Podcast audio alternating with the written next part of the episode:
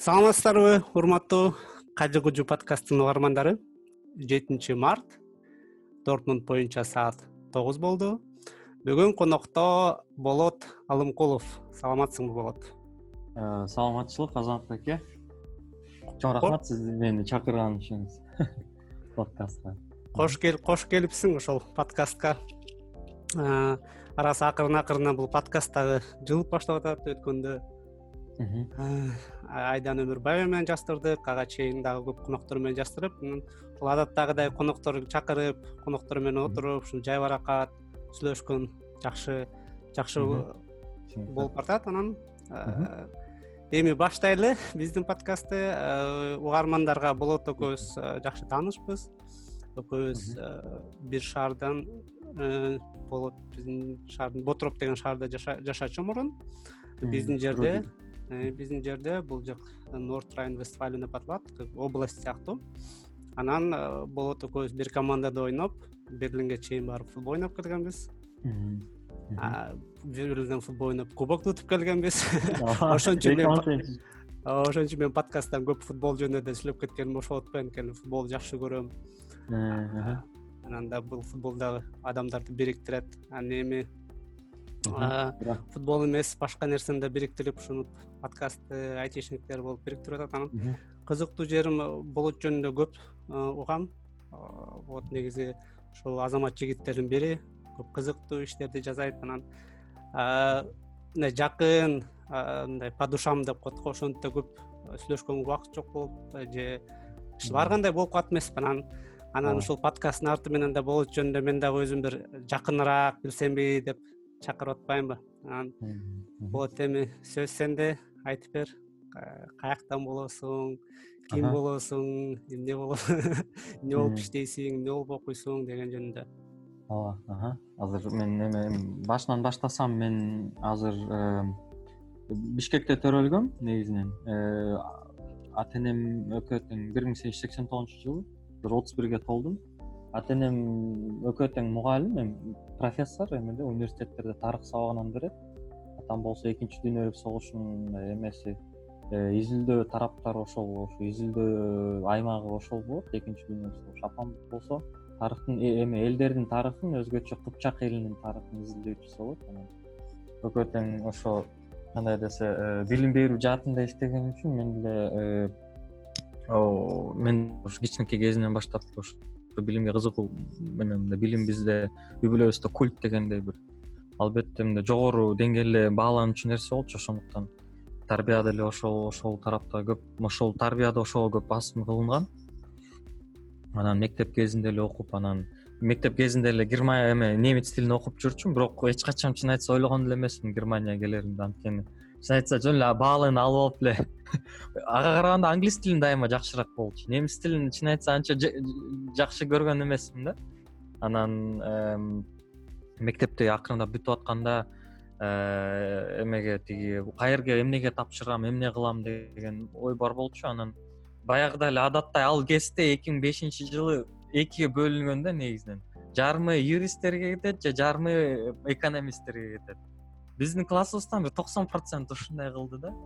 Анан мен деле ойлонуп көрсөм эмне кылам да эмне кылам? Тияка да барсам бияка да барсам эмне кереги бар деп ойлогом анан как раз политехте эме кыргыз техникалык университеттин эмеси э, факультети ачылган кыргыз э, немис факультети техникалык факультет. Анын өзүнүн кезинде акаев келип ачып кеткен. Эки миң төртүнчү жылы жаңы мындай күчтүү факультет болчу жалаң зав кафедраларынын э, профессорлору сабак берчү анан немис тилинде деле басым кылынган.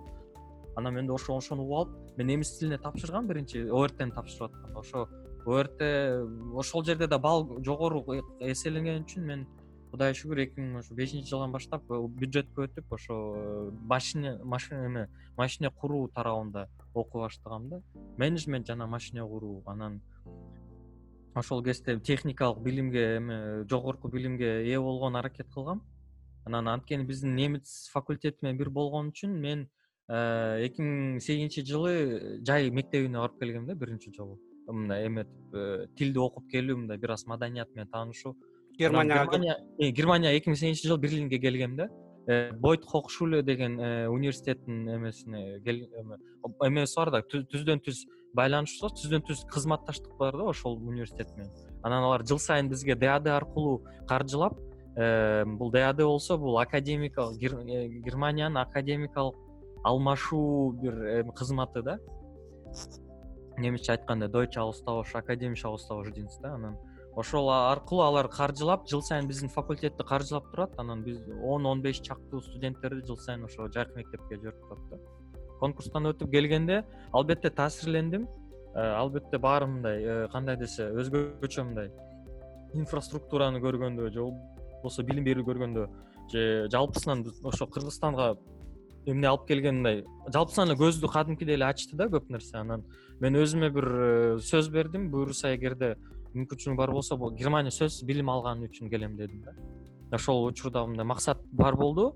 Анан эки миң тогузунчу жылы кайра ошол эле факультетке э, дипломдун эме практикалык э, тарабын жасаганы келгем да. Ал болсо биз болсо мен конструкциялык бир литейный установканы жасаганбыз группалашып ошонун практикалык тарабын мындай. Конструкцияны аягына чейин иштетип ошо эки миң тогузунчу жылы ошол эле факультетке ошол эле университетке келгем берлинге. Анан ошол жерде дагы бир жарым ай жашап анан кыргызстанга кайтып магистратурага тапшырдым.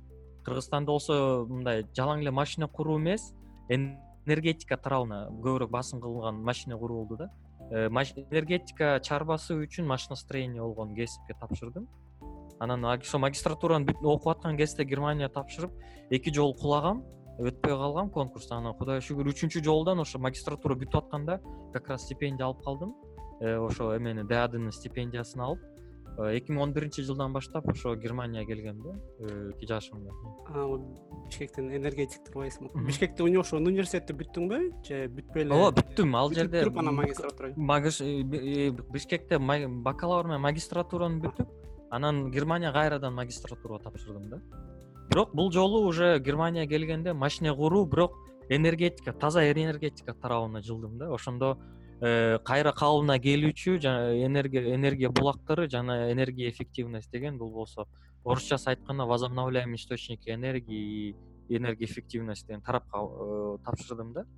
Анан ошол ошол тараптарда анан анткени бул оюм кандай болду? Эгерде мен кыргызстанга кайтайын десем жалаң эле машиностроенияны германиядай жогору машиностроение окусам албетте жумуш табылмак бирок ал бизге мындай келечекке көп мындай ишеничтүү мындай тармак эмес болгон үчүн мен энергетикага алмаштырдым. Анткени энергия бара бара жалаң эмеси мындай энергия энергияны колдонуу андан деле жогорулайт да бара бара анан ошондуктан мен ойлогом жаңы тем более ал келечекке багытталган кесип болчу. Ошондуктан мен эме возобновляющий источник энергия басым Э, ошо окугам да ошондуктан ошол кезде э, ошого кызыгып аткам да ошол тарапта. Анан негизи э, бишкекте деле энергетиканы окуганы аябай оор менин классташым эки классташым ушу политехке энергетика тапшырып анан кийин барбай жүрүп жана черченияларды жана бир сабагы бар го. Ооба начертать на геометрия деп ошолорду жазыптыра албай эле кыйнала берип анан аягында кулап калышты менин папам дагы политехнический институтту бүткөн анан мурда мамам болсо медицинский институт мурда эки күчтүү институттар эмес беле. Ооба ушул жактан күчтүү окуп ата энең дагы билимдүү экен анан ушунчо билим менен келип анан бияктан кулап калдыңбы биякта анда неме айырмасы чоң окшойт э биякта чын айтсаң албетте биякта эми э, мен негизинен эки жылдын ичинде бүтмөкмүн бирок тилекке каршы төрт жылга чейин узарып кетти окуум анткени баары бир кандай десе экзамендерди убагында тапшырып бүттүм бирок өзүңдү мындай жыйыштырып деги эле биздин айырмабыз өтө чоң менталитетте мындай биздин маданиятыбызда тилибизде чоң айырма болгон үчүн баары бир бияка көнүш ой жүгүртүңдү өзгөртүш өзүңдү башкача жаңыдан дисциплинага салуу же өзүңдү кандай десе деги эле жашоону жаңыдан баштап атпайсың тышка барганда жаңы нерсени үйрөнөтсүң мээ деле анан анан дагы көңүл да ошого жатышы керек да ошого мындай э, эптеп септеп баш ийиши керек. Анан ошондуктан ошол убакыт э, ошого көп кетти ошо өзүмдү мындай алмаштырган ошо ошо биякта мындай э, бул бул шарттарга өзүмдү өздөштүргөн да. Анан ошондуктан окуум узарып бирок кудайга шүгүр ошо төрт жыл узарып анан окуумду аягына чейин чыкты да негизи чын туура айтып кетпедиңби биякта система такыр башкача. Такыр башка. Менин коллегаларым дагы университетти бүтүп анан биринчи жаңы жумушка орношуп келишет да анан жаштары сурап келгенде эле канчадасың десем ал отуз үчтөмүн анан ошол университетти жаңы бүттүм анан бул биринчи жумушум деп айтты анан мен болсо отуз үч жашымдагы он жыл иштеп эки балам болуп пенсионер сезип кетем деп. Андап эле биякта келгенде система такыр башкача коррупция деген такыр жок. Анан билимиңди аябай текшерет. Окуп экзамен тапшырып анан эң күчтүү деңгээлде текшерет. Анан э, аябай сабактарды дагы бизде кандай эмес бизде сабак берет. Анан ошол сабакты жаттап туруп эле кайра айтып берсең экзамен өтүп кетти. Ооба. э, семестр болгондо мисалы ушул жайкы семестрде бүтсөң бүттүң бүтпөсөң жок бүтүш керек. Антпесе кийинки курска өтпөйсүң да. А бул жакта болсо көрсө сен экзамен тапшырмайынча ошол экзаменди артыңан ээрчип жүрө берет экенсиң да анан курсуң жылып кете берет экен да. А биякта көп кишилер бар вечный студент дегендерчи баягы карыган уже балалары бар жумуштары бар баягы эле университетте окуп жүрөт анткени. Он семестр жыйырма он семестр он беш семестр өтө берет. Ооба абдан кызыктуу кызыктуу анан ушинтип магистратурага тапшырдың. Ошентип магистратура тапшырып анан э, ошол кеп сиз айткандай экзаменди же мындай магистр ишин жазып атканда артка эле жыла берип анан көп лабораторияда да көп иштеп аткам. Анан теманы деле эки үч жолу өзгөртүп кетип анан э, ошо ошону ошонун айынан да бир жактан башка айынан өзүң деле мындай дисциплина дисциплина менен мындай иштебесең такыр болбойт да. Ошону көп нерсени ошо ошол кезде үйрөндүм да чын айтса ошо магистратуранын эмесин жанагы акыркы ишимди жазып атканда ошондо аябай көп. Э, өзүм түшүндүм да көп нерсени каталарымды жана күчтүү жактарымды түшүндүм да. Ошол. Анан э, берлинде окудуң э? Жок мен касселде окудум. Касселде. кассель шаарынын университетинде анан ошол жерден диплом алып бир жыл жашадым дагы касселде студент катары анткени германияда эки миң он экинчи жылы мыйзам чыккан август айында. Э, эгерде кимде ким э, германияга келип студент болуп билим алса германиянын жогорку билимине ээ болсо диплому бар болсо анда ал бир жарым жыл жумуш издеген укугу бар да. Анан мен ошол университетти бүтүп анан ошол бир жылдай жумуш издедим мындай аракет кылып анан эмеге тапшырдым. Э, университет эмеге мына ботроп шаарындагы хохшуле рурвест деген рурвест университетине илимий илимий изилдөөчү катары кирдим бир жактан илимий изилдөөлөрүн жүргүзүп башка жактан сабактарга деле студенттерге сабактар берип жүрчүмүн да эми. Бирок бир аз э, темам мындай окугандан бир аз алыс кетти. Анткени бул болсо тга деп коет немисче технический гибойдоустройство бул болсо имараттардын техникалык жабдыктарын мындай энергетика тарабынан кандай оптималдуу колдонууга мүмкүн да. Анан автоматизациясы ичинде бар анан ошол ошол кезде мен негизинен айти менен мындай көбүрөөк э, мындай кандай десе практика практика аралашып мен бир аз ошол менен немемди алектене баштадым да. А буга чейин айтып аткан мен университет кезинде эле мага достор айтып аткан сен программирование көрбөйсүң бир аз сага пайда тиет а мен ойлонуп ойлонуп жүрчүмүн эмне кереги бар азыр анысы деле мээм бушап атат магистратура магистрлык ишимди бүтүрө албай азыр дагы бирдеме үйрөнгөн убактым жок деп жүрүп туура эмес болчу экен да. Өз кезинде жанаг матлап же болбосо ошол жок дегенде мындай пайтондун бир түпкү эме мындай основаларын основаларын билип алсам жакшы болмок да ал кезде анткени менин группалашым ал болсо докторантурага тапшырды. Ошол жерде эле магистратураны чогуу жазып атып ал аны университет ал калтырып койду да өзүнө. Ал болсо пайтондо атайын э, мындай биз мен солнечный энергетика боюнча жазгам да мен эме күндүн энергияны колдонуучу. Ал деле ошол боюнча жазган бирок ал эме мындай э, каталардын э, алгоритмдерин жазып чыккан да атайын. Анткени эмелер бузулат да ошо чоң установкалар. Клейген мындай талалар боюп коет да солнечный установкалар ошолордун атайын эмесин көп ката чыккан алгоритмин каерден көп ката чыгат ошону алдын ала көрүү алдын ала эме мындай э, жөнгө салуу системасын ойлонуп тапкан да. Ошону пайтон менен программирование кылган да. Күнүгө жанына клейген момундай калың пайтон китепти көтөрүп жүрчү да. А мен аны көрүп алып бир кызыктай болчумун да аны көрсө негизи ал учурда деле үйрөнүп алса убакыт да бар болчу да. Анан университет иштеп аткан кезинде бир аз кыйналдым да ошондо ошол кезинде ошону түшүндүм да. Негизинен айти көрсө көп тараптарга кирет экен да чын айтса көп мындай көп тараптар менен байланышат. Анан деги эле перспективасы мындай өнүгүшү өтө көп өтө чоң да мааниси бүгүнкү жашоодо ошондо азыр айти аябай өнүгүп атат германияда ушул жыл санын эриптештиктери жылы болуп эсептелет кыргызстанда дагы бир. Биз кыргызстан германия менен окшошпуз. Айтпагыла анан германияда аябай өнүккөн экономикасы өнүккөн чоң мамлекет болгону менен булардын дагы айти тармагы жаңыдан өнүгүп келатат анткени элек немистер аябай англичандерге окшоп консервативдүү болушат эмеспи. Булар өзгөрткүсү келбейт. Мен бул жака келгенде да аябай таң калгам. Почта кагаздар менен почта жибергенде анан ар бир почта иштейт анан мага азыртадан азыркыга чейин каттар келип турат. Ошол мен каттар жазып алар мен дагы каттар менен кайра э, жооп берем да. Анан бирок мына америка аябай өнүгүп атат дүйнө жүзүгө өнүгүп атат. Биздин э, германия тегере четтеги мамлекеттер өнүгүп атат. Алар өнүккөнү менен ошол өзүнүн айти жагын да өнүктүрүп келатат. Анткени айти дүйнө жүзүн багынтырып элдин баары ошол элдин баары өзүнүн телефондору менен жашап калышпадыбы анан ошону карап анан немистер да кой эми биз азыр дагы өзгөрбөсөк анда таптакыр эле калып калабыз деп өзүлөрү да өзгөрүп баштады.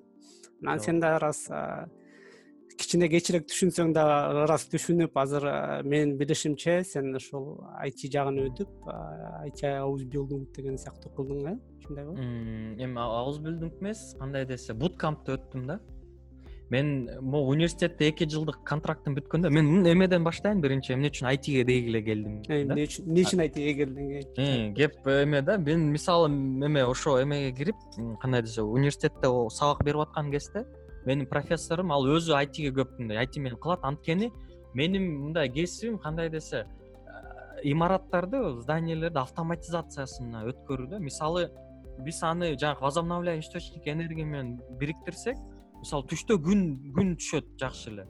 Бирок адам чынында үйүндө ошол түш маалда жүрбөйт да ал жумушта жүрөт. Ошондо түн ичинде күн ичинде энергияны топтоп анан туура бөлүштүрүү автоматизация системасы керек да. Же болбосо мындай же жылуулук системаны эгерде кышында э, сыртта суук болсо анда чүнүктү жогорултуш керек жылуулукту көбүрөөк бериш керек. А эгерде тышта кайрадан бир аз жылыса анда жылуулукту азыраак же вообще өчүрүп салыш керек да. Ошону менен көп үнөмдөсө болот да энергияны. А энергияны үнөмдөсө германияда энергия кымбат. Ошол ошол аркылуу акча да жакшы үнөмдөлөт да. Менин ошо профессор как раз ошол нерселерди көп изилдечү да. айтини бириктирип ошо автоматизация системаны программирование кылып и эме менен могу анлагинг техник деп коет могу жабдыктар менен имараттар үчүн керектүү жабдыктарды ошо бири бири менен туташтырып бириктирип мындай internet of things деп коет го iot деген Э, ошого көп кызыкчу да эмелер мындай интернет э, дедиңе деп коет немисче бул болсо. Бүт мындай оокаттардын мындай материалдык жанагы оокаттардын баары бири бири менен мындай санап териштирүү аркылуу мындай эме менен бир тармак менен байланышат да.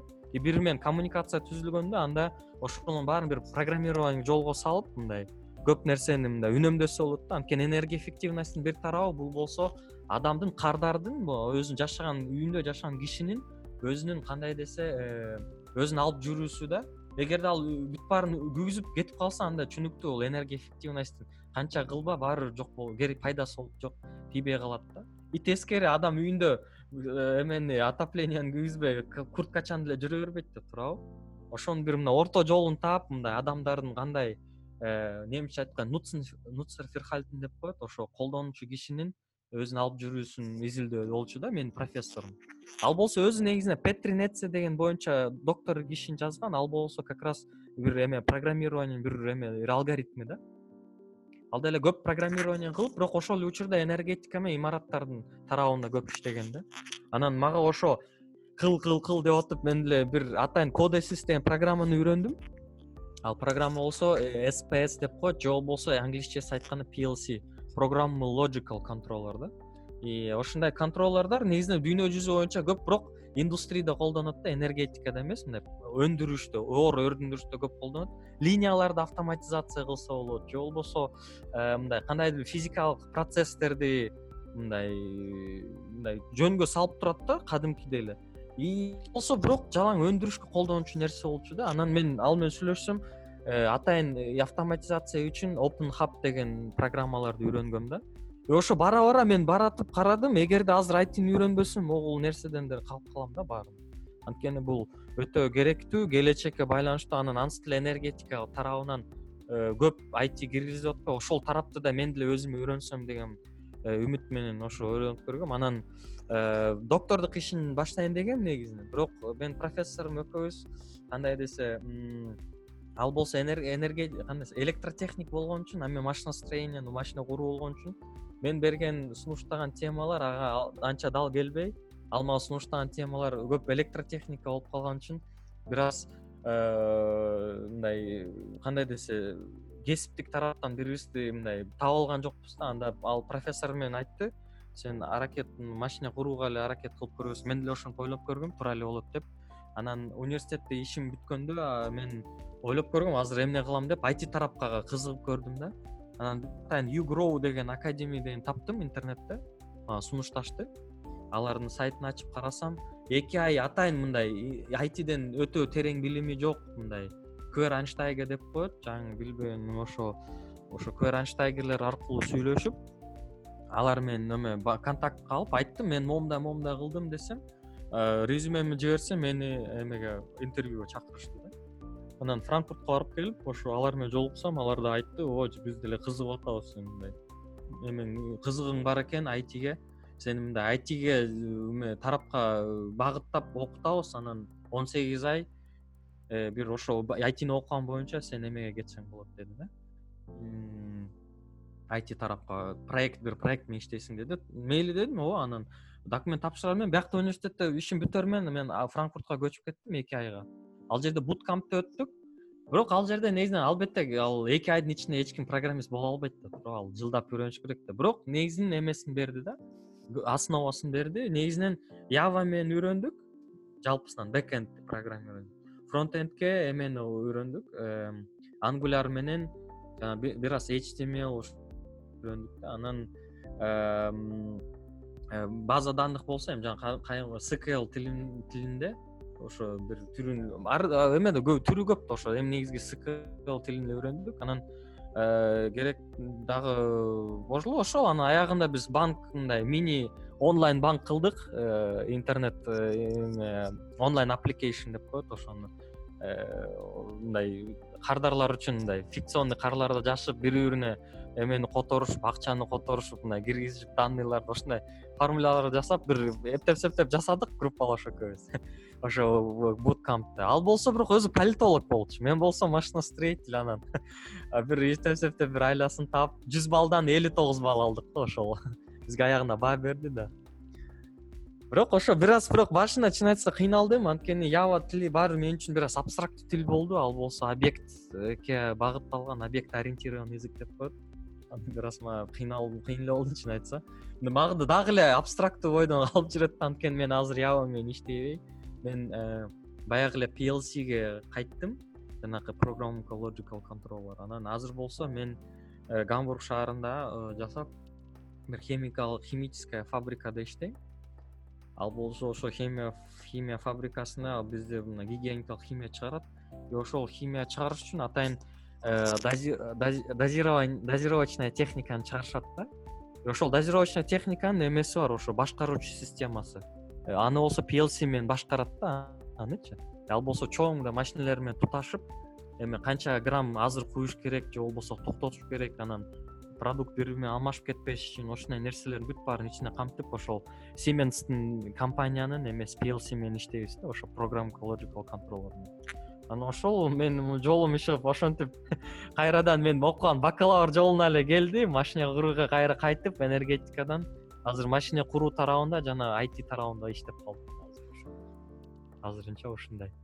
Абдан сонун абдан сонун чоң рахмат ырас э, мени суратпай эле баарыныкенин айтып бердиң. Негизи э, биз болот менен э, анан башка балдар менен футбол ойноп бүткөндөн кийин анан бир э, турецкий э, тамак аш кылган жерге барып анан тамак заказ беребиз анан болот өзү полиглот э, көп тил билет анан ал түркчө элдер менен сурап сүйлөшүп башташат анан түркчө тиги бул тамактарды заказ берип анан бир суроо берсек баарын шашпай айтып берет анан элдин баары болот угуп кызыктуу экен кызыктуу экен. Деп жакшы жакшы айтып бердиң чоң рахмат. Мени кызыктырган нерсе биринчи мен да жана неме тандааганың аябай жана э, күндүн энергиясы жөнүндө темаң аябай жакшы турбайбы анткени биздин жерде ушул былтыр акыркы шахта жабылды. Көмүр боюнча анан көмүр боюнча аябай дүйнө жүзүндө белгилүү жер болуп индустриялык өнүккөн. Анан ал жабылгандан кийин менин билишимче жанагы шамалдан алган энергия салынып анан германиядан деги эле европадан кетип баратсаң ошол чоң айланып аткан немелер көрөсүң. Анан полелердин баары дагы жанагы солнечный батареялар жасалган. Жумуштан өткөндө бир rvi деген бир чоң концерндин ооба энергетикалык концерн. сайтын жасап бердик. Алар болсо ошол ошол ошолордун закон бар экен кайсыл станция кайсы гэс канча энергия чыгарып атат ошонун баары элдер көрүп туруш керек экен. Анан мен дагы карасам алар аябай көп экен көп салып атышыптыр. Анан аябай ушул өнүгүп атат. Анан анын үстүнө жана үйлөрдү дагы германияда отопительный система башкача. Бул жакта центральный деген жок ар бир үй өзүнүн райондорунда бар ар бир үйдө бар. Анан ар бир комнатаңда өзүңдө батареяңда жанагы термостат термостатты жылыткычты көбөйтүп же азайтып өзүң регулировать этесиң. Анан чындап эле жана эртең менен күйгүзүп коюп анан жумушка кетип калсаң энергияң кетип барат анан энергия биякта аябай кымбат анан сен жакшы э, э, ойлорду айтып бердиң жакшы иштерди кылып атыптырсың анан акырын акырын менен э, немистер дагы эффективдүү нерселерди жакшы көрөт эмеспи акырын акырын менен булар дагы өнүгүп сенин иштериң германияны дүйнөнү багытат окшойт.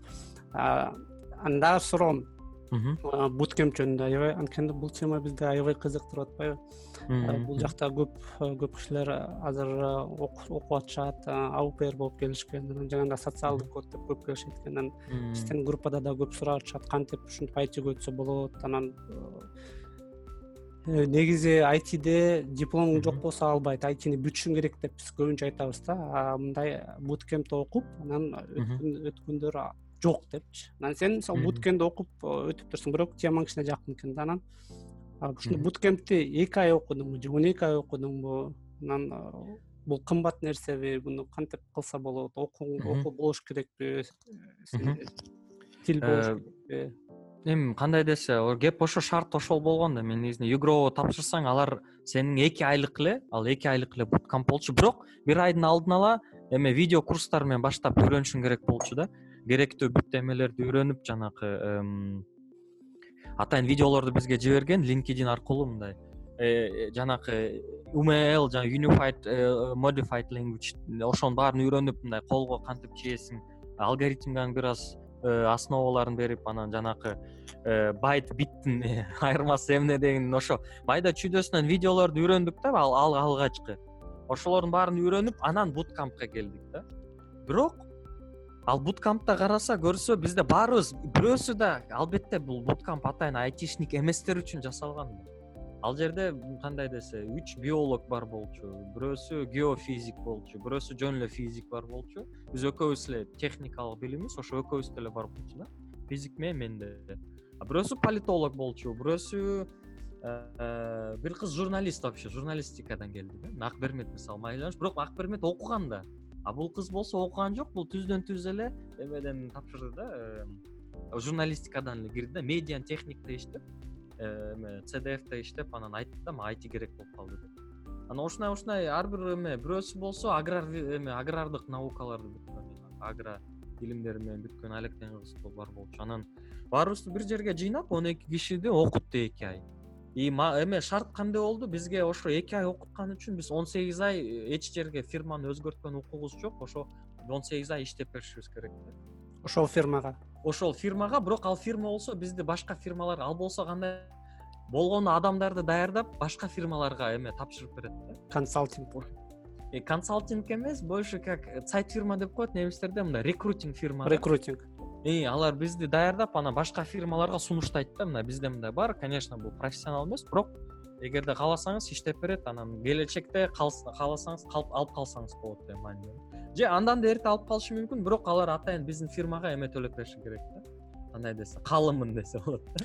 Бизди мына сатып алыш үчүн бизди атайын эме мындай выкуп сатып берет алып төлөп берет. Ошондо бизди ошол э, кабыл алган фирма өзү өзүнө алып калып алып калгысы келсе анда ушундай Э, ошондой система да анан ошол буткампты негизинен алар он сегиз миңге баалады бирок чынында мен билбейм. Ушунча турабы турбайбы билбейм. Бирок алар контракттын ичине ошентип жазды да он сегиз миң евро турат деди да. Ал конечно бул мындай э, өтө ачык маалымат эмес бирок аны мындай болжо азыр ушундай фирмалар көп чыкты негизинен. Бул эме бул концепт негизинен голландиядан келиптир да. Анткени голландияда деле муктаждык чоң көп эме керек э, көп э, айтишниктер керек ал жак тараптарда. Анткени ал жерде туризм өтө өнүккөн башка тараптар мындай логистика жакшы иштейт. Аларга да айти көп керек болуп атат да азыр эмеде голландия тарапта да. Анан алар ошону жасап атып азыр болсо мен укканча минимум төрт ушундай фирмалар бар да. Мюнхенде бар мына франкфуртто югро жасайт. Анан башка бир шаарларда мына эме берлинде да бир уккам. Акселс аксессспи бир фирма атайын. Ушундай эмеси бир аз алмашкан ар бирөөнүн системасы бир аз башкача бирок э, түп мааниси бир эле да баарычы баары атайын айтишниктерди даярдап айти эмес тараптардан келген кишилерди даярдап и айти жаатына иштетүү да. Биздин балдардан айтып кетсек мисалы ошо бир биолог кыз бир экономист анан бир башка бир биолог бир фирмага орношту эме люфтханза solutions жанагы нурзат иштеген бирок ал олденбург деген шаарында филиалына өттү анан мен эми биз бири бирибизди арабызда сүйлөшүп турабыз да кандай болуп атат десек анан шефтен сурасам ошо үч баладан чөө тең жакшы иштеп атат бирок эме экономист бала ал өтө аябай жакшы алда жылып атат да. Аны уже алып калабыз деп атат да шефтер ал жерде. Анткени байкады адам мындай аракетчил көп үйрөнүп атат бат түшүнүп атат баарын ошо э, ошондой. А мен байкаштырса башкача мен университет кезинде иштеп атканда биякта мен биздин факультет биздин институт кошунасы болсо информатика институту болчу да. Алар менен биргелешип жүрчүк анан. Мен ал жерде бирок тескери карасам информатика окуган балдар көбү деле программирование эмне экенин билбейт экен да. Бул жерде мен ойлогом да эгерде баары программистика окуса биротоло программист болуп кетет деп. Карасам алар көбүрөөк экономикага басым кылып эң негизгиси дипломдо информатика деп жазылып турат. Анан информатика айти жалаң эле программисттер үчүн эмес э, орун берет да. Ошол эле юрист бухгалтер чоң компанияларда башка деле кесиптер керек да. Алар ушундай тараптарга иштегиси кызыгат да.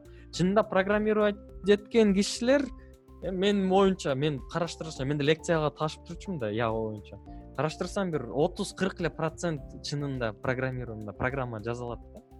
А калганы болсо мындай ошо айти менен бир байланышта болгон кесиптерге кызыгат ошондуктан биздин эле ошондой эле болду. Биякта таланты бар киши же болбосо кызыгы бар киши албатта эле үйрөнөт. А эгерде кызыгы болбосо мейли программистика окуса деле аягында программирование үйрөнбөй кетет экен да ушундай да иши ооба мен мен иштеген компанияда да биз консалтинг компания болчу сатчубуз бирок биздин бранш биздин направление жана страховкалар болчу.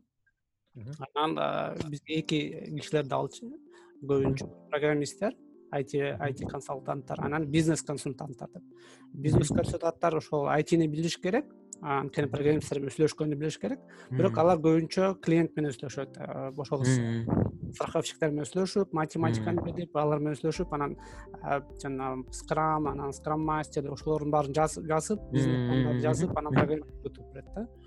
Бирок алар деле айти компанияда иштейт айти компанияда анан мен тиги буткемп жөнүндө сурап аткан нерсем мен да көп ойлонуп жүрөм. Анткени кыргызстанда жүргөндө дагы бир ошол кетэрдин алдында ага чейин да көп ойлончумун ушинтип. Өзүм мугалим болгондуктан анан көп тажрыйбам бар. Анан акырын студенттерди алып ошолорго үйрөтүп берсемби депчи.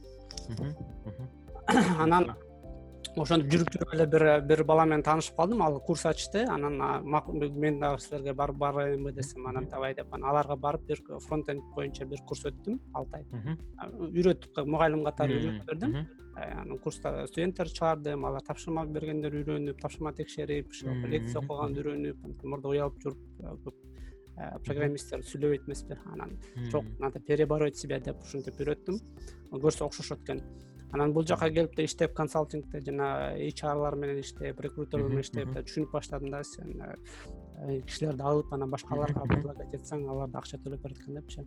Анан айти ушул э, бул иштерди дагы арасында элдер көп сүрөйт.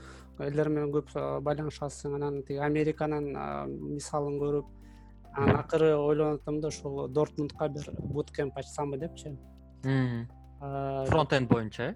негизи эле биринчи фронт эндтен баштап текшерип иштетип көрүпчү концепциясын жазып кандай болот экен анткени кандай документтерди топтош керек биякка официальный болуш керек анан. Ооба бияктан бир Мгм. бир неме менен сүйлөштүм э, э, немецкий курс берген э, бир фирма менен сүйлөштүм. Алар менен партнерлоштурбайлы анткени баарын өзүм алып кете албайм да. Ооба албетте алар сизге жер керек да? лицензиясы бар. Э, э, алардын неме жери керек э, инфраструктура керек. Алар менен элем моундай кылалы. Силерди э, курстар боюнча кала берсин да мен силерге дополнительно айти кылып жа- жасап берейин. Анан мисалы кишилер келет. Мисалы кыргызстандан кишилер келсе алар биринчи курс окуйт. Курсту бытсвай жана медиктер окуган сыяктуу технический кишени Мгм. окуп бүткөндөн кийин айтиге өтөт. Анан буткемпте жана америкадагыдай или кыргызстандагыдай алты ай окуйт. Анан э, дортмундтагы айти фирмалар көп алар менен сүйлөшүп мына биз ушундай таланттарды чогултуп атабыз аларга үйрөтөбүз силерге керектүү java c sharp бизнес модельдерди скрамды agileды иши ошолордун баарын үйрөтүп беребиз фронтенд силерге беребиз. Анан силер ошолорго гарантированно жумуш бересиңер деген сыяктуу. Анан же болбосо ошолордон деле кайра hr рекрутер катары бонус Мгм. алып ушундай бир ойлор болуп аткан да. Анан ошол жөнүндө сүйлөшүп атсам элдер менен сүйлөшүп кандай кылсам болот десем анан дастан жалил дегенде бир байке бар экен. Ооба ал Ган- ганноверде. Ганноверде беркман Мгм. институт деп анан балким ошол менен сүйлөшүп көрсөмбү анан э, сени угуп калдым ошол бутскемпте окуптур айтиге өтүптүр сүйлөшүп кызыктуу маалымат алып атам анан ушинтип эле чогултуп чогултуп балким буюрса келечекте буюрса болуп калар. Э, буюрса эмне үчүн? Оюңуз жакшы экен ошо Э, кудай буюрса ишке ашат жакшы ойлоруңуз бар экен э. Ишиң жакшы болуптур э, ишиң дагы жыла берсин ойлогон ой Рахмат. Рахмат.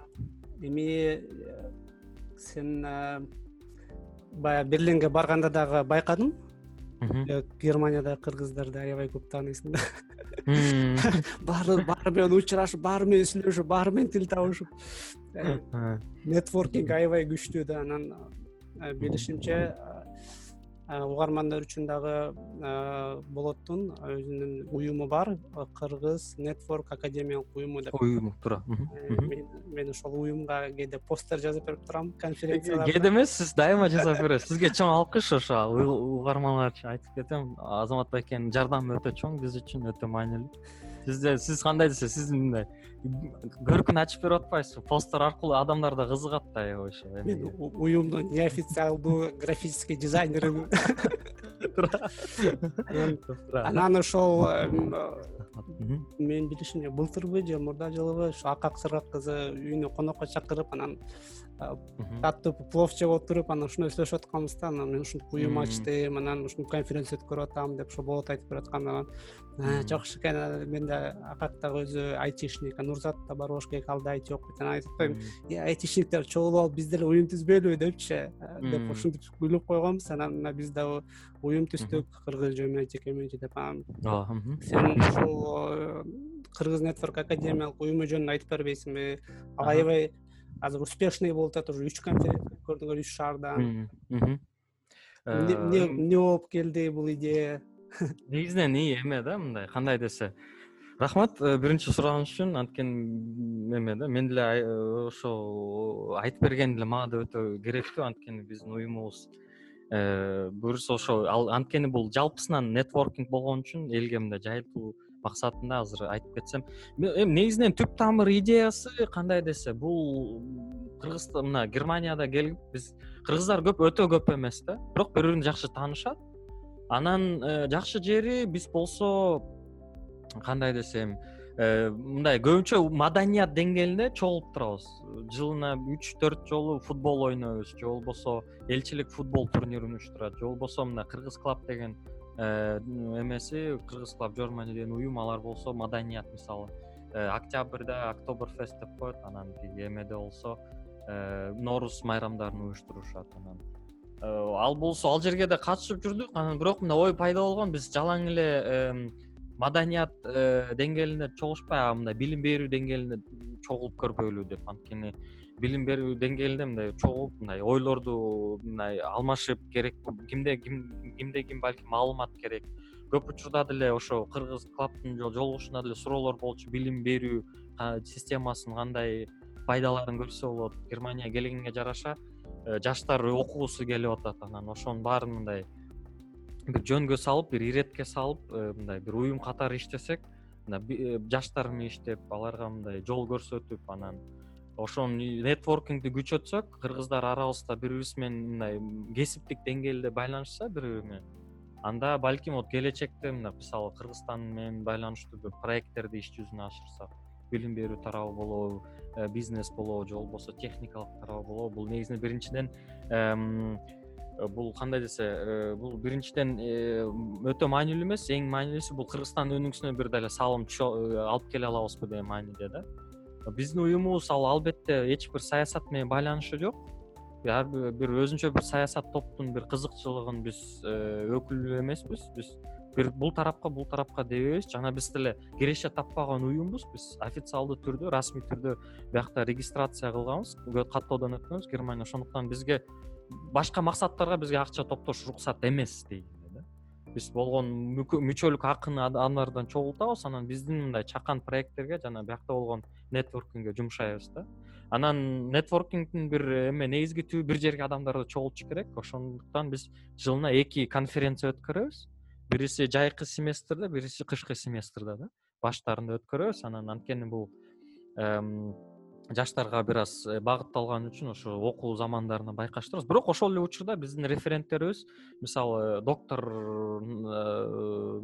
илимдердин э, докторлору же болбосо мындай илимий жаатында иштеген же болбосо медицина тарабында иштеген же болбосо мындай ийгиликке жеткен биздин байке эжелерибизди сөзсүз чакырабыз. Алар же жаштарды деле мындай бизге эме жок мындай айырмай кылбайбыз мисалы гамбургда конференция кылганда бизге айжамал үпенова деген кыз доклад кылып берди. Ал болсо өзү ауыз билдингди эле бүтүп жумушка кирди да. Ал ауыз билдингда окуган көп нерсени медицинанын тарапты кыргызстандын медицинанын системасы менен салыштырып көрдү да. Ал деле биз мындай жаштар үчүн же мындай биз үчүн аябай өтө кызыктуу да. Э, биякта болгон билим жана илим кыргызстанга кандай пайда алып келет деген мааниде да. Эгер салыштырып анан биздин э, артыкчылыктар жана кемчиликтер көрүнүп калып атпайбы салыштырууда? Ошону мисалы. Же болбосо айзада эжени чакырдык ал болсо деле айти тараптарды айтып берди. Канчалык багыт кайсы багытка кетип баратат бизнесте болгон ролу кандай чоң чоң роль ойноп атпайбы азыр айти? Деги эле бизнести такыр башка жаңы жолго салып атат да айти тарап анан ушундай адамдар менен бөлүшүп анан биз жакшы жерибиз ошо угуп атабыз жаштардан. А биз мына уже айтиге э, кызыгып калдык ошо биздин конференцияларын байкаштырып жаштар жаңы дем алып атат күч алып атат мотивация алып атат окуйбуз андан ары деп. Ошо биздин максатыбыз ошол биздин уюмубузду нетворкинг жасап жаштарды үгүттөп аларга мындай бири бири менен байланыштырып ошонун деңгээлинде мындай кандай билим алмашуу жана тажрыйба алмашуу платформасын түзүп берүү. Экинчи максат бул болсо мындай чакан бирок мындай чакан жакшы долбоорлорду иштеп чыгып ошо биякта болобу же кыргызстанга жардам бербей ошо мындай пайдалуу нерсени чыгарыш да ошол нетворкинг эмесинен э, мындай э, түпкү максат ой максаты ошол болчу да ошо түзүлүшүнө анан буюрса эми келе жаткан дортмунд дюссельдорф шаарында кылабыз төртүнчү конференцияны. Ошол буюрса сиз дагы ошол жерге референт катары келип кетесиз да бизге ооба рахмат мени референт кылып чакырганыңыздарга. Мага мага абдан кубанычтуу анткени менде көп э, көп менде көп тажрыйба жок.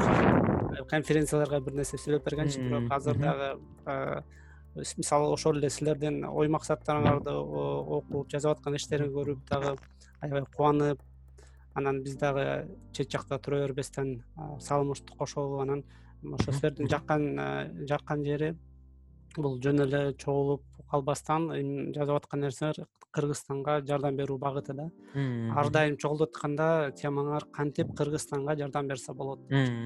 Туура.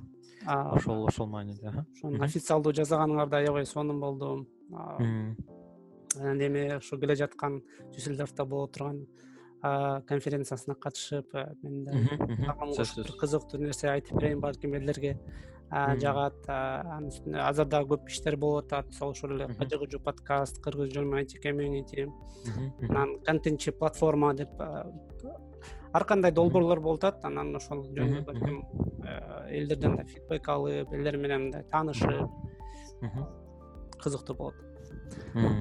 Анан жана бир адам бир китеп дегендин дисклаймерин А, окуганда дагы силер жүргөнсүңөр э ооба биз кандай десем мен аны болсо биздин жеңишгүл деген кыз гамбургда жашаган. Ал болсо анын айылынан деги эле башталган да кыргызстанда кош төбө деген айылынан башталган. Ал ошол проектти башынан бери мындай көз салып турат да анан мен деле өзүм ошол баштаган балдар менен да тааныш болчумун. Анан ошо чогуу биргеликте э, жеңишгүл ошол калыгул анан бир бекжан деген үч бала эме биргелешип мындай бир ошо ойду алып чыкты. Биз болсо ошо бир адамдан бир китепти колдоо ошол элдик проектти элдик долбоорду колдойбуз деп чыктык. Бияктан болсо буюрса вот келечекте эме э, кыргызстанда военный частьтарда мындай китепканаларды ачып деги эле эме мындай китепкөй улут болойлу деген мааниде анткени мындай бүт өнүккөн мамлекеттер карасак алар баары китепкөй. Э, канчалык э, айтпайлы билим билим берүү жана билим алуу өтө мамлекеттин турушуна өнүгүшүнө өтө чоң маанилүү. Деги эле мындай. Билими бар эл жашай алат билимсиз жок эл жоголот да ушундай ушундай суроо турулушу керек да. Анан мисалы алсак японияда ортосу менен алганда бир японец он бир китеп окуйт экен жылына жок дегенде бир айда бир китеп окулат экен да. Кыргызстанда кандай статистика билбейм. Эми бир адамдан бир китеп киргенде ишенебиз ошол статистика өйдө чыгып адамдардын эле аң сезимине чоң алып келет. Деги эле ой жүгүртүүсүнө кругозорду кеңейтет. Э, кыргызстан улуттук эме мындай эме кандай десе улут күчтүү улут болсо анда ошо китепкөй улут болушубуз керек да. Анан ошо балдар менен өзүм жолугуп аларды сүйлөшүп э, азыр пайдасы өтө чоң да. Азыр уже мындай келатат проект даже иш жүзүнө толук кандуу ашып элек бирок пайдасын көрүп атабыз да уже. Мисалы ошо кош төбө деген айылында ошо бакай өзү ошол айылынан ал жердеши болот жеңишгүлдүн өзү менен бетме бет көрүшкөм да бул жолу кыргызстанда мындай кышында барып келгем да анан бир отурушунда сүйлөшүп өтө кызыктуу айтып берди. Ошо кош төбө айылында болсо ичкилик токтоду мисалы. Болсо бүт э, жана жаштар иш жүзүн мындай эч жерге потенциалын өзүнүн күчүн жоготпогон үчүн ичкилик башталганча ошо ичкилик токтоду. Адамдар китеп окуй баштады. Орт жана общереспубликанский тест боюнча ошол аймактар биринчи орун ак дала району боюнча деги эле биринчи орундарды ала баштады. Анан алар болсо биргелешип жаштар эме бизнесмендер кошулуп футболдук э, аянтча куруп койду. Душу менен баары менен адам жакшы шарттар түзүп атат. Анан э, комбайндерди алыптыр атайын иш кылып ашар эл биригип өзүнүн эле айылында өзүнүн шартын түздөп атат да. Баягыдай эле биздин адатта болгон мамлекеттен эле күтө бербей болсо мындай кырдаалды толук кандуу өзүнө мындай жоопкерчиликти алып өзүнүн колуна алып атат да эл ошол ошо мисалы биринчи эле таасири ошол болуп атат да. Анан биз ошо китептерди таратып мындай э, эме биз деле ошо бир э, долбоордун бир бөлүгү болоюн деп азыр буюрса жердештерибизден биякта германияда жашаган жердештерибизден финансылык мүмкүнчүлүктөрү бир аз жакшыраак болгон үчүн үгүттөп атабыз. Келгиле кошулгула биз ошо биз акчаны биздин уюмубуз аркылуу топтоп анан ошол акчаны эме ыйгарып беребиз ошол балдарга өздөрүн бүт толук кандуу албетте контроль жасап чыгабыз. Бүт баарына аягында отчет алып ар бир тыйын ар бир тыйын жоголуп кетпегенин баарын өз мындай нугуна салып беребиз да анан ошол биздин бир ушундай бир проекттерге катышып биздин уюмубуздун ошо бир экинчи максаты белгилеп кеткен ушундай проекттерге катышуу да деги эле азаматсыңар азаматсыңар абдан кубанычта анткени мен да ошол бир адамдан бир китепти көрүп анан анын үстүндө деги эле э, адам ошол айбандардан айырмаланып бул акыл эси акыл эси менен да. Ал акыл эсти э, төрөлгөндө эле ал акыл эс э, келип калбайт аны деген андай машыктырыш керек аны машыктырыш үчүн окуш керек билимге мектепке барыш керек анан университетке барып окуш керек. Анан бирок биздин э, экономикалык саясаттык оор болгондуктан абалыбыз. оор болгондуктан ал нерсе бизге көп жетпей атат анан ошону ошону кантип жеңиш керек? Аны жеңиш үчүн өзүң билим алыш керек да. Билимди билим э, китепте. Биз э, ошол китепти окуп китептеги маалыматты алганда негизи билим маалыматта да маалыматтар болсо китепте жазылган да.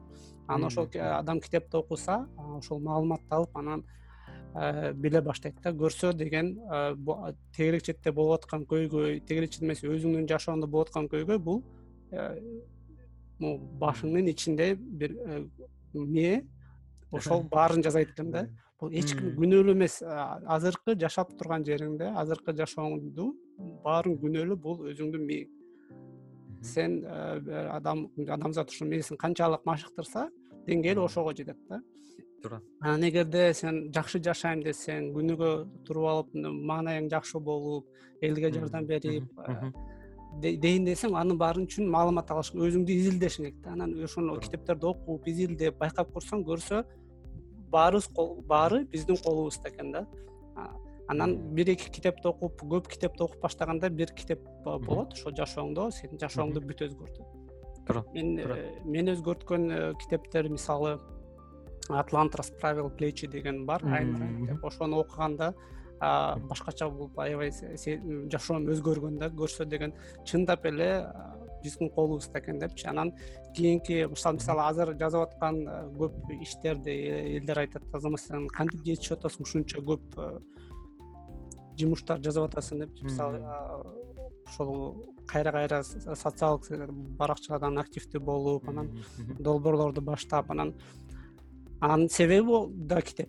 Мисалы андрей курпатов дегендин красная таблетка деген китебин окудум. Анан чертоги разума деп окудум троица деп анан окуп көрсөм. Психология психо- адамдын психология психотерапия жөнүндө да.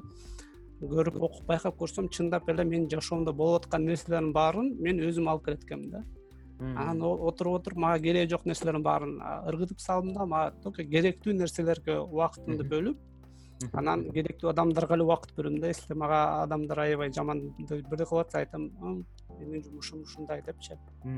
Анан ошол силердин бир адамдан бир китепти окуп де- долбоорду окуп туруп анан ойлонуп ойлонуп анан бир э, челлендж келди да ойгочу анын үстүнө жана контентчи деп дагы чыгып калдык да анан челлендждин максаты мындай болчу ар бир адам э, мисалы мен мен баштадым деп коеюн. Мен өзүмдөн беш китеп э, сунуштайм. Ушул жылы э, окула турчу беш китеп. Анан ал сунушту беш адамга таратам да. Айтам мен беш китепти тиги тиги тиги кишиге бердим. Анан ошол ал беш киши окуп туруп алар да өзүнүн беш китебин сунуштап. Сунуштайт анан беш китеп Мм. алдында дисклеймер да бул э, бул челлендждин максаты бир адамга бир китеп долбооруна жардам берүү. Сен беш китепке бирөөсүнө окуп коюп анан жа- жардам берип койсоң болот. Анткени китепти э, берип китепти китептер жакшы бирок алар окулбаса туура пайдасы эмне Пайдасы жок да. пайдасы жок Мм. анан э, адамдар дагы мисалы э, авторитеттер көрөт анан тиги киши тинтип ушинтип жашоосун өзгөрттү. Анан кайсы китепти окуду болот экен деп анан ал китепти окуса анан ага мен да ошол китептерди окушум керек турбайбы деп анан окуса деп деген ой максат менен баштадык. Анан эми жыл- жылдын аягында с- силер менен балким э, биз дагы параллельно натыйжасын чыгарып көрөбүз. Ким канча китеп. Буюрса айтпагыла мен деле ошол челленджди кабыл алдым. Мага жеңишкүл жиберди да. Мен деле аны бир китептеримди окуп бүтсөм азыр койгом уже жарымы бүттү буюрса бүтөрүмөн мен дагы ошого кошулам. Албетте андан ары беш досумду белгилеп андан ары жиберем. Ошентип анан э, акырын акырын э, өзүбүздүн жашообуз да өзгөрөт анан э, дээре четибиздеги адамдардын жашоосу өзгөрүп анан жакшы жакшы жакшы дүйнөдө жашайбыз сиз туура айттыңыз. Бизде ошол кыргызстанда жетишпейт да адамдар мындай жалаң эле мамлекет менен же болбосо эмне менен чектелбей. А тескери биз башталган мисалы проекттин долбоорун могу эл бир адамды бириктирип жакшы жер айылдан эмне үчүн айылдан баштады? Эмне үчүн шаардан эмес? Анткени биздин э, ойчул чоң жазуучубуз чыңгыз атабыз айтып кеткен аалам айылдан башталат деген да. Кеп каерде адам каерде өскөн эмес кеп канчалык ой жүгүртүүсү ошо канчалык ошо ой жүгүртүүсү тышка чыга калат да канчалык. Ошо ой жүгүртүрсө эмнеге жете алса ошону ошого адамдын көзү жетсе ошондуктан ал ошо ою да жетет ою же жетсе көзү да жетет көзү жетсе колу да жетет да. Ошо ошол да ошо жакшы жери сиз айтып кеткендей мындай китеп окуган киши ал дайыма аң сезими мындай кенен көп нерсени туура кабыл алган. Э, бир ошол жолугушта бир адам бир китепте эмени эм, бир чоң эме чиновник отурган ал деле ошо көмөс кө- эме көмөк көрсөтүп атат да ошол долбоорго. Ал да туура нерсени айтты? Аябай эсиме түшүп калды билимдүү киши баарын өзү эле билип коет деди да баарын өзү эле түшүнүп коет деди да. Ошондой бизде э, канчалык адамдар билимдүү болсо ошончолук э, мамлекеттин түзүлүшүн кандай иштейт баары салыктын төлөшүнүн керегин баарын билип калып биз бат эле өз жолуна өнүгүү жолуна туруп кетебиз да ошондуктан. Билимдин деңгээлин канчалык жогорултсак чыныгы билим деңгээли ошончалык баттыраак бутка туруп ошончалык баттыраак өнүгөбүз да ошол ошого үмүт чоң үмүт берип буюрса үмүттөнүп ошо долбоорлорго эме колдоо көрсөтүп атабыз да мындай. Ошондуктан ооба ооба анан ушул маалыматты байланышты анан тажрыйбаны билген кишилерден дагы сурап алып ошон үчүн да мен сени азыр кыйнап отурган да. Түнкү саат ондо уктабай дем алыш күнү ушул кыргызча подкаст жаздыралы деп анткени бул подкасттын эң чоң мааниси дагы бул азыр мисалы угуп аткандар асастан көбөйүп атат. Анан менин оюмча ушул жаздырып аткан нерселер так ушул айылдагы отурган балдарга кыздарга апа энелерге жетсин да. Ошолор угуп көрсө биздин балдар мисалы чет мамлекетте жүрөт алар чет мамлекетте жаман нерсесин кылышкан жок жакшы окуп атышат иштерин кылып атышат анан өздөрүнүн тажрыйбасын бөлүшүп атышат кыргызча сүйлөп немисче англисче орусча эмес кыргызча сүйлөп чогуу биздикине эле биздин мамлекеттикине биздин мамлекетти ойлоп мисалы кетип калдык унутуп калган жокпуз. Биз дагы эстеп атабыз анткени. Биздин туугандарыбыздын баары ал жакта жашайт. Мен мисалы германияда биз жалгыз элебиз менин ата энем келинчегим ата энебиз баары кыргызстанда жашайт анан. Ооба албетте. Кыргызстанда ар дайым ойлоп жүрөбүз кантип жардам берсек колубуздан келишинче жардам берсек элдер сураган анан марк цукербергдей мультимиллиардер болуп кетсек конечно баарына жардам берип коет элеккен ага чейин. Ооба жок жок да болсо ушул кыргызча сүйлөп кыргызча маалыматтарды жеткирип турсак.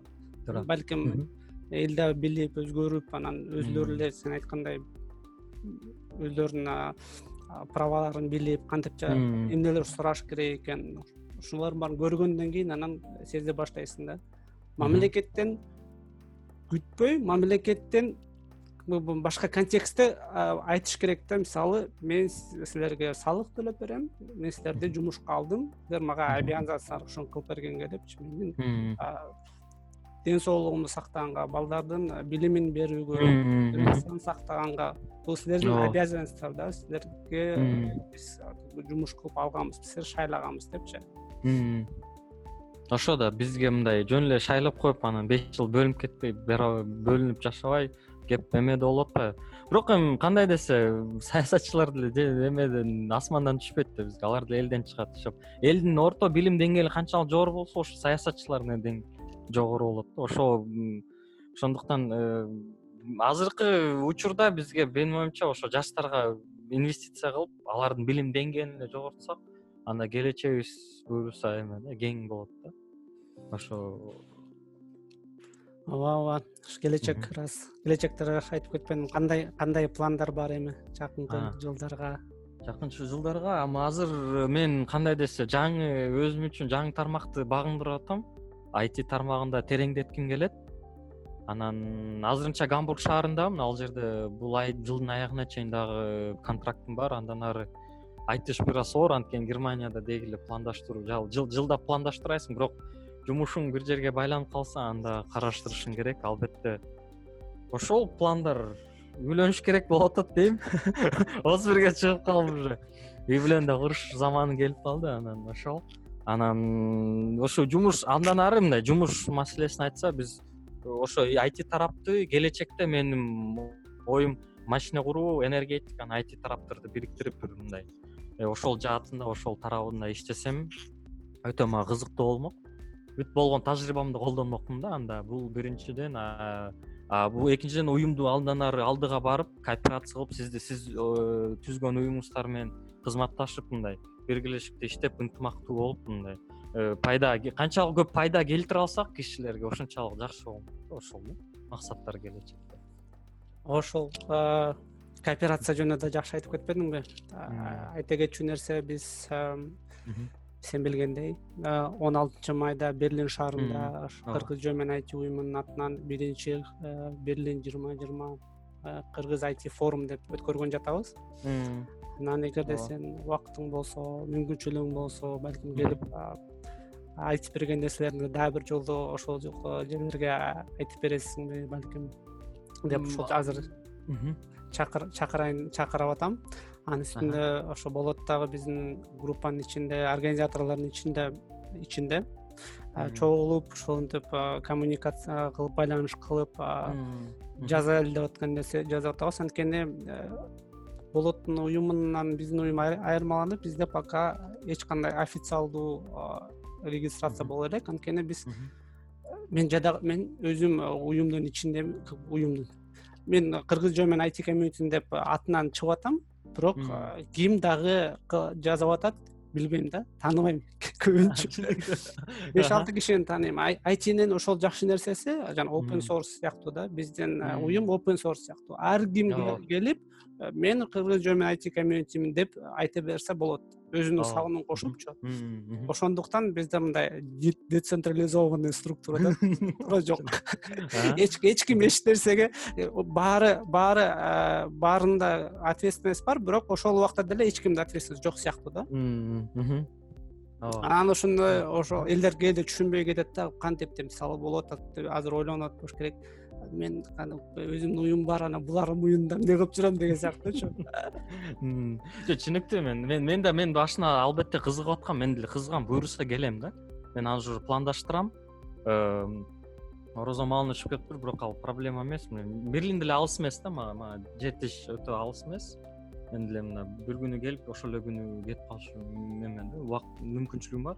Анан ошол албетте мен катышып кетем сөзсүз. Анан бирок кандай кайсы кандай катышып кетем аны да так билбейм да. Мисалы эгерде азырынча биз өзүбүз уюштуруучу маселесин бүтүрүп алсак анан албетте мен неме этем сиздин уюштуруучуңуз маселесине албетте көмөктөшөм да азыр болсо. Мага эмени мындай өз учурумду өз эме ишимди салып алсам албетте мен келип катышып кетем албетте. Анткени андай чараны сөзсүз колдоп туруш керек да ооба ошол убакыты боюнча дагы элдер суроо берип атканда дагы жооп берип кетейин. Бизди бизге берлинге ошол зал таап берип место таап берген биздин ошол кажы кужу подкасттын мурда мурдагысында келип кеткен акбермет мукачиева болуп атат. Ал өзү ошол шефтер менен сүйлөшүп бизге бир чоң салым кошуп бизге чоң иш кылып берип атат. Анан ошону пайдаланып ошол рахмат айтып ыраазы берип анткени бул да биздин основной жумушубуз эмес анткени ар бирибиздин өзүнүн жумушубуздар бар. Бирок ошолор жолугуп таанышып бири бирибиз менен мисалы башкалар көп тааныбай аткан. Балким дагы деле адам болгондуктан баягы бири бирибизди көрүп сүйлөшкөндө бул бир аз башкача болот болуш керек элдерге аларга мотивация берип алардан мотивация алып анан мындай чоң чын эле официалдуу уюм түзүп официалдуу команда структура түзүп жана айтып аткан нерселерди чогуу биргелешип бири бирибизге жардам берип деген ойлор менен жасап атабыз. Анан буюрса убакыт көрсөтөр кандай болуп кетер? Буюрса. Эми чоң ошо баарын эле эметип атабыз. Үмүттөнүп атабыз буюрса жакшы болот деп. Кооперация деле мындай кызматташтык деле жакшы иш жүзүнө ашсын. Анткени бул бизге кандай десе биз максатыбыз баары аягын алганда бир эле болуп атпайбы бизге. Биригип пайдасын алып келип элге элибизге жерибизге өзүбүзгө да пайда алып келе алгандай. Ооба.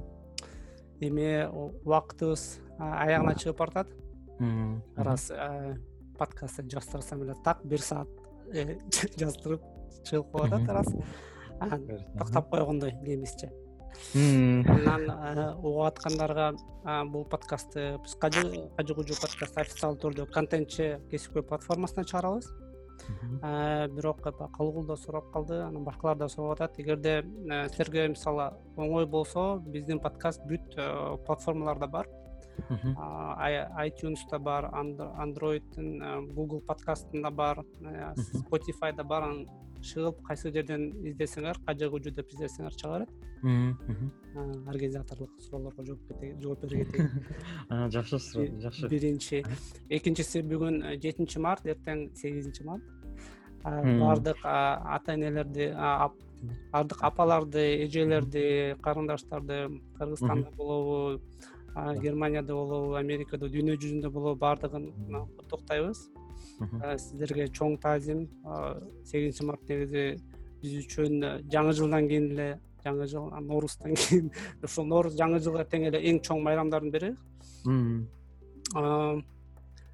Куттуктап ошол а, ыраазычылык билдиребиз. Мен деле ошо бир аз айтып кетсем биз деле биз менин атыман жана уюман деле бүт айым ай- ай- айым аял затты куттуктайм. Келе жаткан эл аралык аялдар күнү менен бул биринчиден албетте энелер ар бир киши үчүн эне- энеси элесине келет. Анткени энелерге биринчиден багытталган. Бунун баары андан ары бүт э, өмүр жардыларыбызга кыздарыбызга эжелерибизге эне сиңдибизге баарына эже сиңдилерибиз эже карындаштарыбызга багытталган буюрса ошол. Сиз айткандай баары аман эсен болсун э, биз менен бар болсун дайыма жаныбызда болуп бизге өзүнүн нурун чачып сүйүүсүн мээримиз менен бөлүшүп буюрса э, баардыгы жакшы болсун баарыбыз М, биргелеште ынтымактуу жашайлы чоң рахмат чоң рахмат. Дагы бир жолу ушул болот. Келгениң үчүн рахмат айтам. А, жакшы маек курдук жакшы а, темаларды ачтык. Элерге кызыктуу болот болуш керек уккандарга. Анан сага кааларым ушул ойлоп жасап жаткан иштериң баарына ийгилик. Бар акырын акырын менен ишке Рахмат. ашсын. А, са- сен чоң чоң азамат жана кыргыздын азамат жигиттери бол деп жана бата берет го. Ошол бата тийип сага мына азыр кылып атасың алыс жакта жашап жүрсөң дагы э- энергияңды ошого коротуп бул дагы өзүмдөн да көрүп атам көп көп убакытты кетирет көп э, күчтү кетирет бирок ошонун баарын жасап аткан үчүн чоң рахмат. Сизге дагы рахмат. Сиз чакырганыңызга чоң рахмат. Дагы да болсо жолугуп буюрса кызыктуу нерселер жасап жүрө берели буюрса сизге деле чоң рахмат азамат байке ошо бизге постер жасаганыңыз үчүн анан бизге да убактыңыз бөлүп сиз эми комьюнитини түздүңүз буюрса анда эле келечек болсун. Эме эң негизгиси ынтымак бизден кетпей ошо ошол чогуу жа- жаатта мындай. Биз билим берүү тарап болобу ар кандай тараптар сиз болсо айти комьюнитинин тарабын жалпысын алып биякта болсо баары бир баш аягында ал келгенде биз бир бир эл эме бир бир кыргызстандан келген элбиз. Бөлүшпөйбүз. Эч улутчулдук бизде да жок. Ким каалаган баарын эле чакырабыз албетте. Бизде орус болобу ким болобу биздин мамлекеттен келген жараны болсо болду биздин жердешибиз баарына ачыкпыз. Сиз дагы ачыксыз анан ошол келечекте эң негизги ушу эме жанакы манастын эмеде манаста айтылгандай бир жеңден баш бир жеңден кол анан бир жакадан баш деп ынтымактуу бололу ошо ошо менен биздин подкаст аяктады. Баарыңыздар аман эсен болуңуздар оорубаңыздар эртеңки майрамды жакшы өткөрүңүздөр. Сак саламатта калыңыздар. Тамам жакшы болуңуздар